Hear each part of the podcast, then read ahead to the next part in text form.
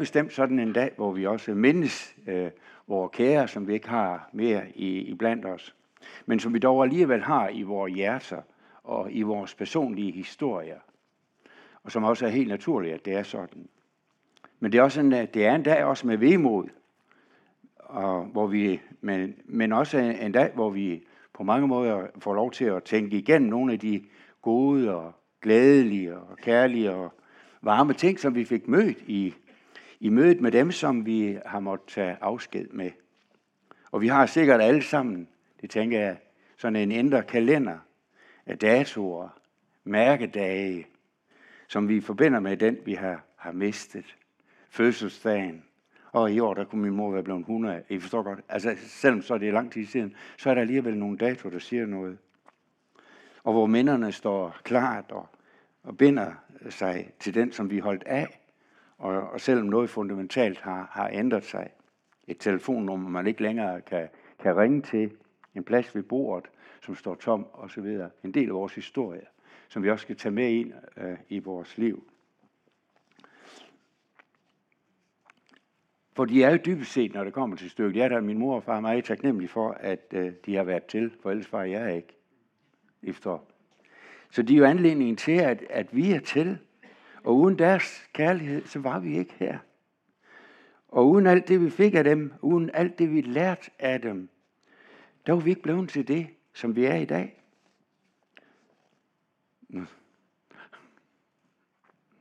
Ja, undskyld. Og den kærlighed og den binding, som vi har til vores kære, det forsvinder simpelthen ikke, selvom vi er adskilt fra dem.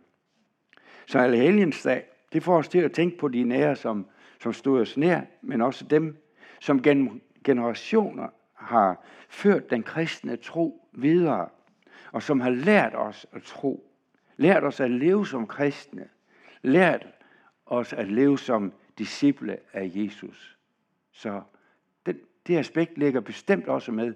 Jeg tror ikke, vi sad her, hvis ikke der var nogle generationer, der forud for os havde, havde arbejdet med troen, kæmpet med troen, vist os som en vej. Det tror jeg bestemt ikke. Så nu får du lige øh, to minutter her. Øh, det afgiver jeg lige af min prædiken. Øh, jeg forlænger den bare i den anden ende. Det skal ikke tage så i. Men I får lige to minutter her til at tale med hinanden om personer, der har stået dig nær, og som har lyst for dig, og som har betydet noget for dit liv og for dit gudsforhold, din tjeneste som kristen, og det værer sig i fortiden, og gerne også i nutiden, og som har gjort dig til den, du er. Så vent lige med naboen. Ja, værsgo.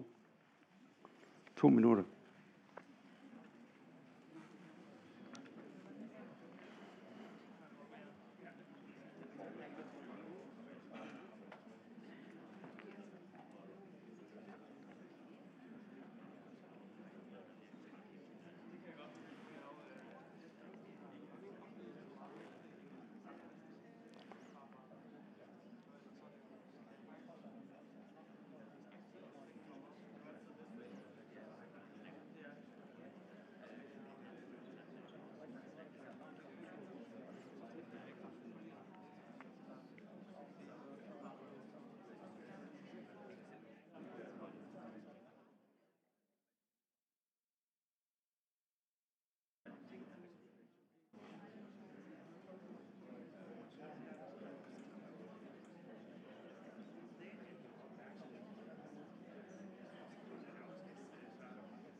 yeah.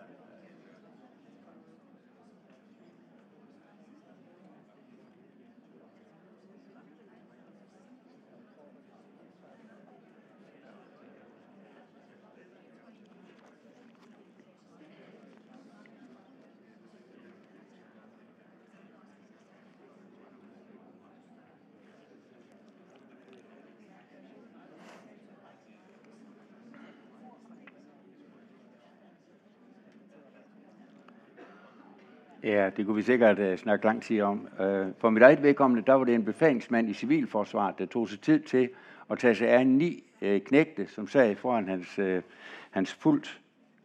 Og der fortalte han også om Jesus. Det har jeg aldrig hørt om før. Men det skal jeg da lov for, at jeg kom til. Men at døden findes, og at livets flygtighed, det er et faktum, det kan vi bestemt ikke komme udenom her. Og det skal heller ikke bortforklares. Selvom der er nogen, der har lyst til at gøre det og sige, at livet slutter, når vi er færdige her. Og så alligevel, hvis man er i en kristen kontekst, så kan det ikke undgås at vi, vi har hele evighedsperspektivet med. Vi har lige sagt her, at vi tror på det evige liv. Så, det, så vi er også i gang med at arbejde med de her ting her. Og øh, hvordan oplever vi så at det hver især, at vi selv skal dø og indgå som borgere i det himmelske univers?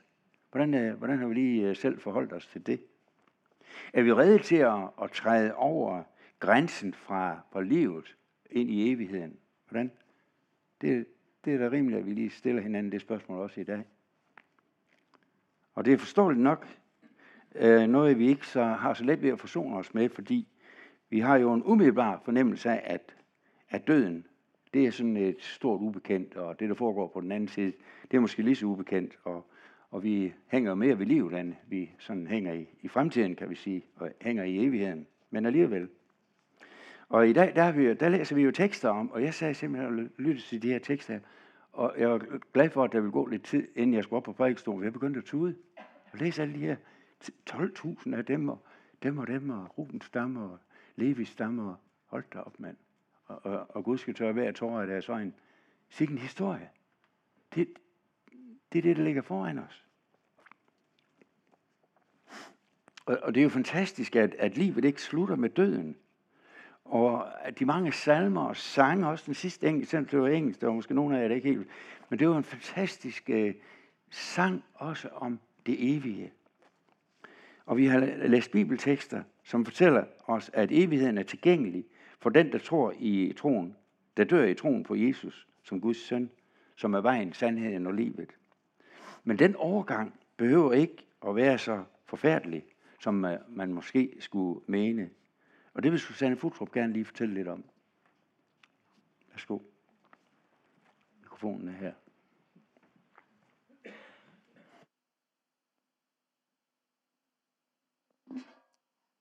Ja.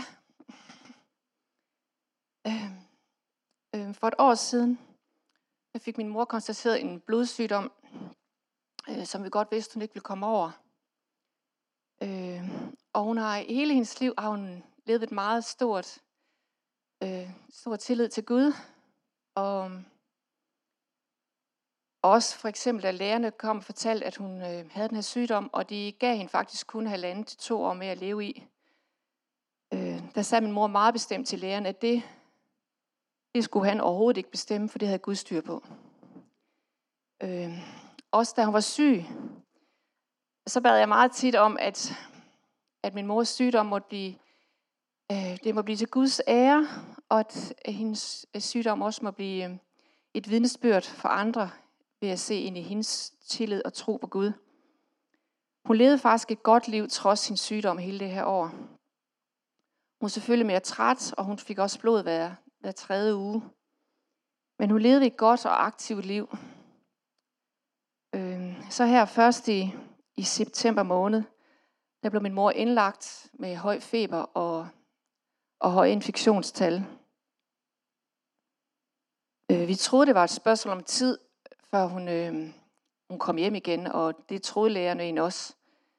Men, men lægerne de kunne ikke knække koden, og og hun blev dårligere og dårligere, der kom flere, øh, flere ting, der stødte til.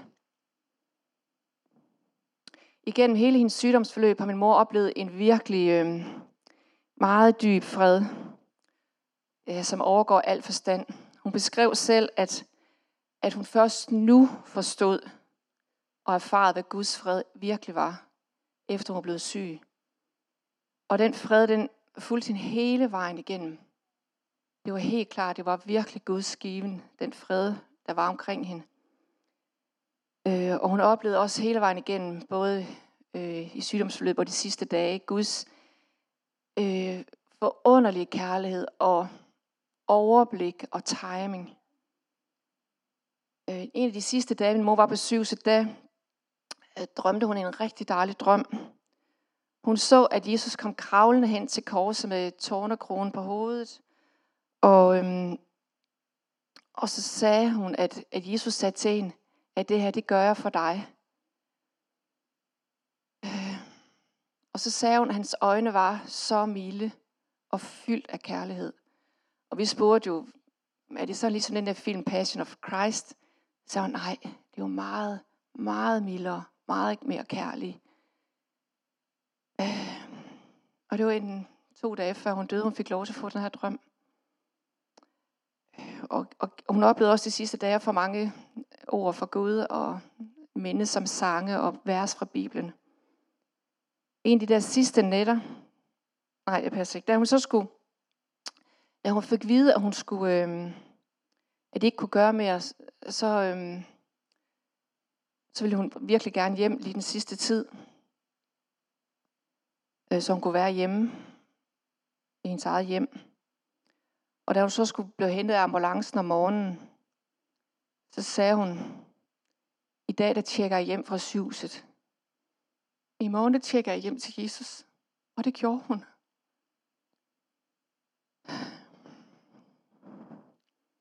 Og de sidste ting, de sidste time, hun var hjemme, der var hele familien samlet, og vi fik, vi holdt en advar sammen, og vi bad sammen, og vi sang sange sammen, og vi, og vi bad, og ja, det var naturligvis en meget intens tid.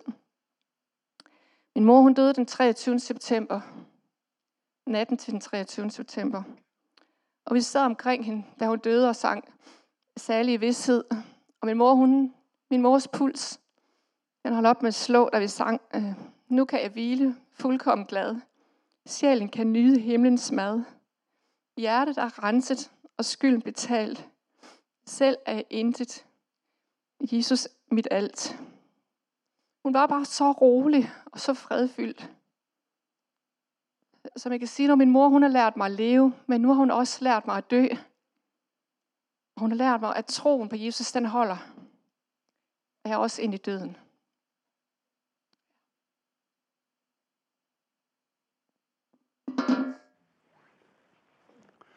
Tak for det, Susanne. Tak for det, Susanne. Det var virkelig, det var virkelig hjerteligt. Nu skal jeg også passe på, at jeg kan fortsætte. Men Brorsons øh, store og kendte Allehelgensalme, den store hvide flok, vi ser, den beskriver med billeder fra Johannes åbenbaring, hvordan de døde kristne, den store hvidklædte flok, som stred troens kamp her på jorden, nu i himlen, er i, nu er i himlen, hvor, hvor Gud selv har tørt deres tårer bort og gjort dem klar til en evig himmelsk gudstjeneste. Og Brorsen han siger det sådan her, der holder de nu kirkegang med uophørlig jubelklang i høje kor, hvor Gud han bor blandt alle engles sang. Og netop den salme understreger, at levende og døde i tid og evighed er forenet i Kristus og at forudsætningen for alle helgen er nyheden om, at døden er overvundet. At Gud med Jesu Kristi opstandelse, der er døden brudt. Dødens magt er brudt. At vi er to flokke, der priser og ærer Gud sammen. En levende flok her i vores verden, her i Silkeborg Oaskirke, du og jeg, og en himmelsk flok i Guds verden, og som begge synger med på den himmelske sang, på Guds tjener Moses og lammets sang, som der står i åbenbaringsbogen kapitel 15, vers 3. Store og underfulde er dine gerninger, du herre, Gud almægtige. Retfærdige og sande er dine veje, du folkenes konge. Åh, oh, der er din mor i gang. Fantastisk. Og alle helgens fejringen er båret af håbet om, at troen på, at man selv som død, der er man levende for Gud. Og du er sikkert også bekendt med, at mange har haft en såkaldt nærdødsoplevelse. Og der vi har mødt personer på den anden side af vores univers. Og I skal nu få et lille bid af en oplevelse, som en af vores venner har haft, Paul Erik Jørgensen, gift med Signe Jørgensen, som har været i veninde i, i over 50 år. Paul Erik fik en blodprop og var en kort tid klinisk død. Og i den periode nåede han at få en kig ind i himlen. Jeg har taget et lille øh, pluk til jer her. Jeg, jeg tror, at Det er det lys, der er med til at skabe alt godt. Sidenhen, hvor jeg har kunnet spekulere på det, at, og har fortalt mennesker om det, har jeg måttet, måske kunne se, jamen det var vel Jesus, der var, eller Gud selv, der var som det her fantastiske lys. Jeg ved det ikke, jeg ved bare, at der var utrolig lys, og det var så skønt at være der. Og foran mig, der stod en 10.000 tallig skare af genfødte mennesker. Mennesker i opstandelseslæmer. Og de strålede af lykke. De havde alle sammen perfekte ansigter. Jeg så især deres ansigter. De var runde. Der var ingen, der havde briller. Der var ingen, der havde høreapparater. Det var yngre mennesker alle sammen. Omkring 30, 32 eller sådan noget. Der var ingen handicappet at se. Og jeg følte bare, dem her, dem kender jeg alle sammen, og, og det er min familie, og jeg følte en samhørighed med dem. Og der lød jo en brusen fra de der mennesker, en velkommen til mig. Og så sagde de, er det ikke fantastisk sted? Er det ikke fantastisk, det der foregår? Hvem skulle have troet det? Er det ikke helt utroligt, at det her er, hvad der venter os, som tror, når vi ikke skal være på jorden mere? Og de sagde også, ikke med danske ord, ikke med engelske ord, ikke, men overjordisk sprog. Vi kunne kommunikere på et højere niveau, og de sagde, hvem skulle have troet det her? Hvis vi havde vidst det, da vi var på jorden, hvor ville vi have prioriteret anderledes? Hvor ville vi have fortalt andre mennesker om, at der er en vej til himlen ved tro på Jesus Kristus? Hvor ville vi... Åh, jamen der er jo så vidunderligt her, så... Ja. Og så kunne jeg jo se, at de allerfleste, faktisk alle sammen, de kiggede ikke bare på mig, men også op forbi min højre skulder. Der var et eller andet, der foregik om bag min ryg.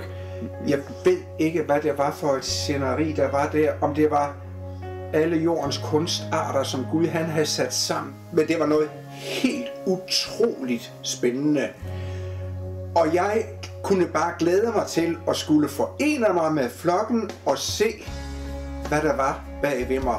Jeg kendte nogle af de ansigter, to af de ansigter, der var nærmest på mig var familie og en god ven, så det var det kunne jeg ikke finde i øjeblikket, fordi det var jo unge ansigter. Øh, så, og, og de var, for, for første gang så jeg dem, uden at der var en rynke, uden at der var en fure, uden at der var et gråt hår. Det er jo perfekte ansigter, men i en ung udgave.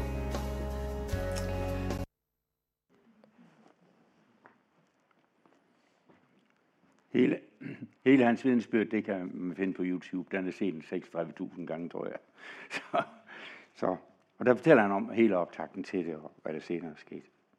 Men jeg, jeg minder også lige om, at nogle af jer kender måske Matthew Perry. Han er kendt som Chandler Bing i Friends Venner. Siger det noget? Ja, det gør det sikkert. Han fik også for to år siden en lignende oplevelse, hvor han mødte Gud og fik to gode år siden, sin oplevelse, øh, siden, den oplevelse. Han havde haft et forrygteligt år med misbrug og druk og alt muligt forskelligt. Og så skriver han selv, det er hans eget ord her, det skriver han i en bog. Han skriver, Gud frelste mig den dag og for al fremtid, uanset hvad. Ja, det er aldrig for sent. Det er aldrig for sent. Og jeg har også før fortalt jer om, at jeg har haft næsten en lignende historie. Og øh, det er det tætteste, jeg har været på at, at se Jesu ansigt. Jeg, jeg sank ligesom ned igennem, jeg har sikkert fortalt det før, jeg, det er så stor en oplevelse, jeg kan næsten ikke øh, benytte af lejlighed til at fortælle det, at jeg, jeg sank ned igennem et rør. Og nedenunder, i bunden af røret der, der var der en, en hest, en hvid hest, og den sank jeg ned på og sad der. Og så da jeg lige fik sundet mig og sad på den her hest, så kom jeg til at kigge op til venstre hen ved hovedtøjet. Der stod det, som jeg har oplevet som det tætteste, jeg har været på at se ind i Jesu ansigt. Det var det. Og han smilede til mig, og så sagde han, du må låne min hest. Fantastisk. Du må låne min hest. Hvad siger jeg? Hvad siger jeg så? Hold fast, Gud er god. Nej, det var ikke en Volvo, bare rulle. Det var en hest. En hvid hest. Den her fantastiske, som også er omtalt i åbenbaringsbogen. Det kan I selv læse om. Men resten af min prædiken, det skal handle om, at mens vi lever her, der vandrer vi alle sammen som lærlinge af Jesus.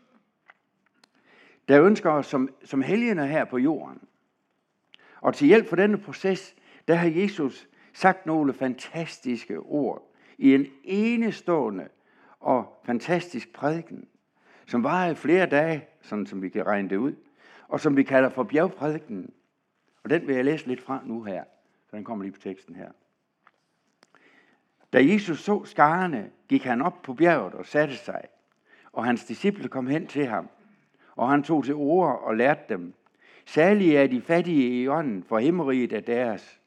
Særlige er de, der sørger, for de skal trøstes. Særlige er de sagtmodige, for de skal arve jorden. Særlige er de, som hungrer og tørster efter retfærdigheden, for de skal mættes. Særlige er de barmhjertige, for de skal møde barmhjertighed. Særlige er de rene af hjertet, for de skal se Gud. Særlige er de, som stifter fred, for de skal kaldes Guds børn. Særlige er de, som forfølges på grund af retfærdighed, for himmeriget er deres.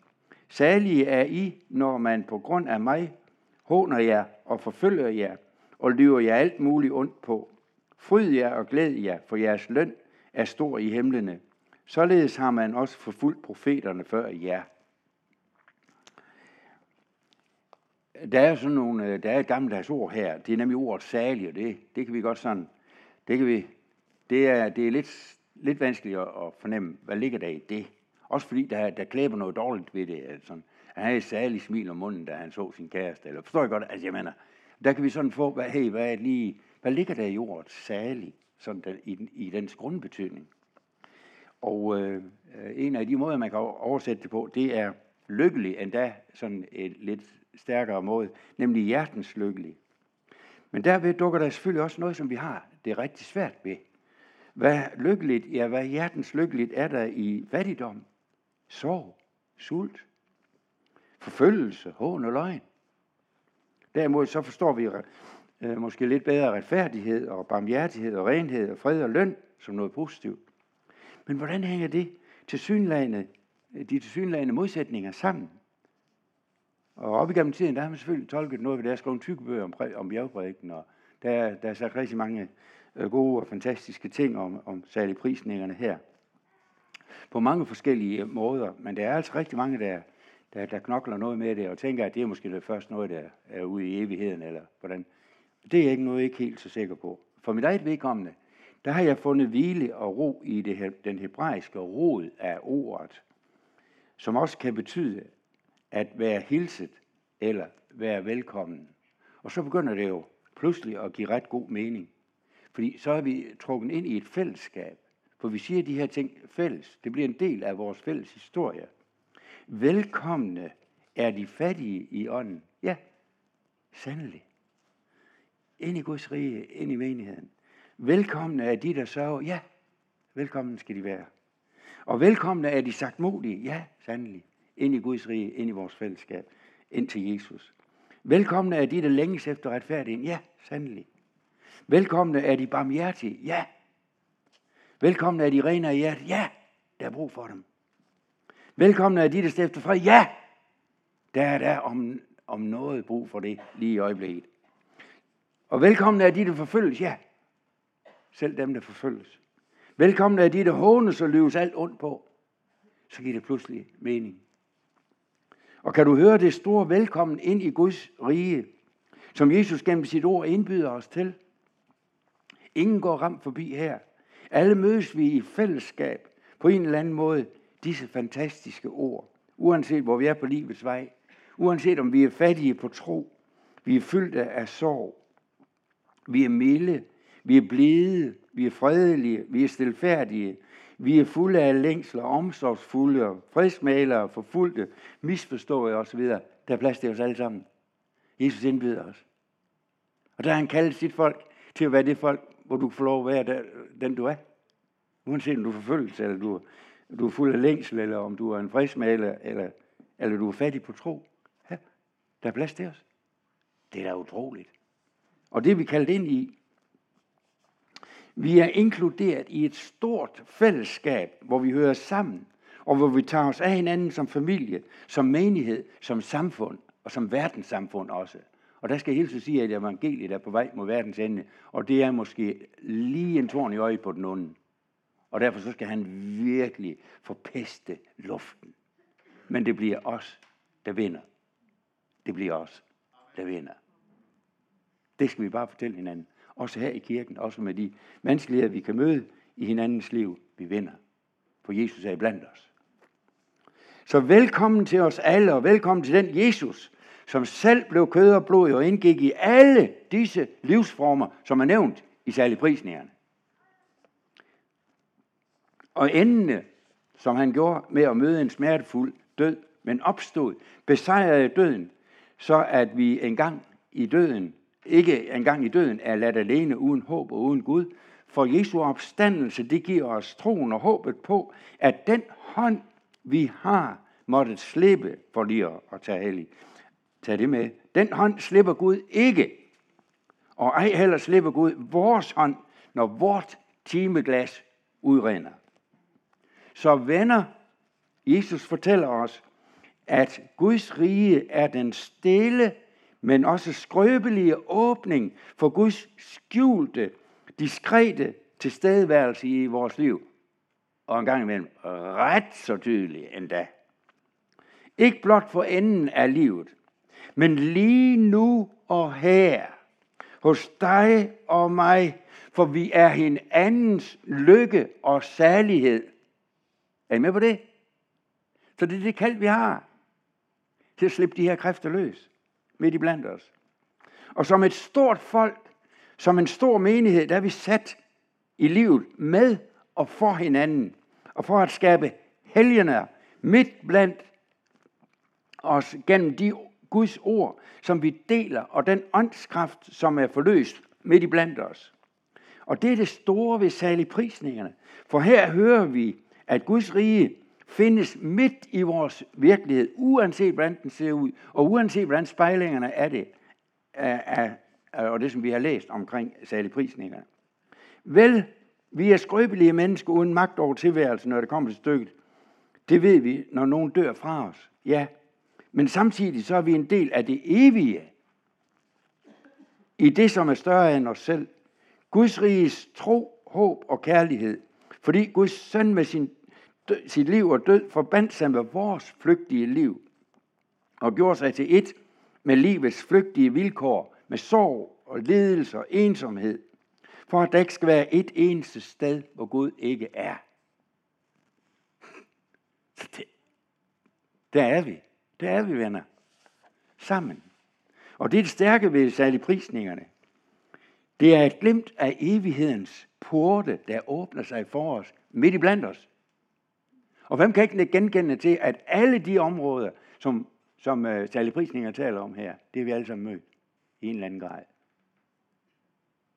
Så det er ikke en fjern tale, Jesus taler om her. Det er noget, som vi, vi skal få lov at arbejde med, og som vi skal lade virke midt i blandt os. Og som en håbets sommerfugl, eller isfugl, om du vil, der sætter sig på vores kolde novemberkalender her, der rejser der sig en ny virkelighed ind i vores flygtige liv af dage og uger. Der bare løber afsted med vores liv, men hvor vi også møder evigheden. En ny virkelighed, en ny himmel og en ny jord, både her på jorden og hos dem, vi har afgivet til den himmelske virkelighed. Ja, ja, døden findes. Ligesom kalenderen, ugerne og dagene uværligt æder sig ind på vores liv. Det er virkeligheden. Men evangeliet åbner samtidig porten for en anden virkelighed. Det evige findes, opstandelsens håb, både for enden af vores liv, men også midt i vores virkelighed, som håb og trøst og en vandring i lyset sammen. Så det sande liv og den sande lykke defineres af Jesus selv. Og den sandhed, det liv, den lykke, den salighed, står han inde for midt i blandt os og vi er hans medarbejdere. Og han vil med sin ånd, der vil han lære os, at sammen lærer vi langsomt, men sikkert, at gribe om de sande lykkeværdier, modtage dem og leve dem ud i hverdagen, selvom det ikke nødvendigvis gør os lykkelige i jordisk forstand. Men det vil give os alle værdighed, og vi får lov til at være os selv og være forskellige og blive forvandlet efter de billeder, som Jesus tegner for os i særlige prisningerne. Det var, hvad jeg gerne ville dele med jer i dag. Øhm, nu beder jeg en bøn her, og I må gerne bede den højt, og, eller, eller hvad I vil. Men jeg synes, jeg har, jeg har samlet en bøn her, som jeg synes siger noget, og det vil jeg gerne øh, slutte med. Jeg kommer op på skærmen. Det gør den vist. Der var den. Vi takker dig for denne dags store glæde, lyset i vores mørke, håbet i vores tomhed. Vi takker for din søn, vores opstandende Herre Jesus Kristus, som er gået forud for os og vil gøre dødens nat til livets morgen. Send os ved din hellige ånd videre i vores liv med det håb, der overvinder forfærdelsen for al ondskab og død. Gør os delagtige i kampen mod alle mørkets kræfter, der vil korsfeste troen og glæden og lægge håb og kærlighed i graven. Vi takker dig for alle dem, der har været en del af vores historie, og være med alle, som nu på grund af tabet er truet og trængt af sorg og savn. Følg os til vores sidste time, og lad dit ansigt lyse over os og vores kære, og giv os alle en glædelig opstandelse til det evige liv. Amen. Og vi vil lige sidde stille et øjeblik og lade alle tingene, vi vil lige have mødt, sing, synge ind.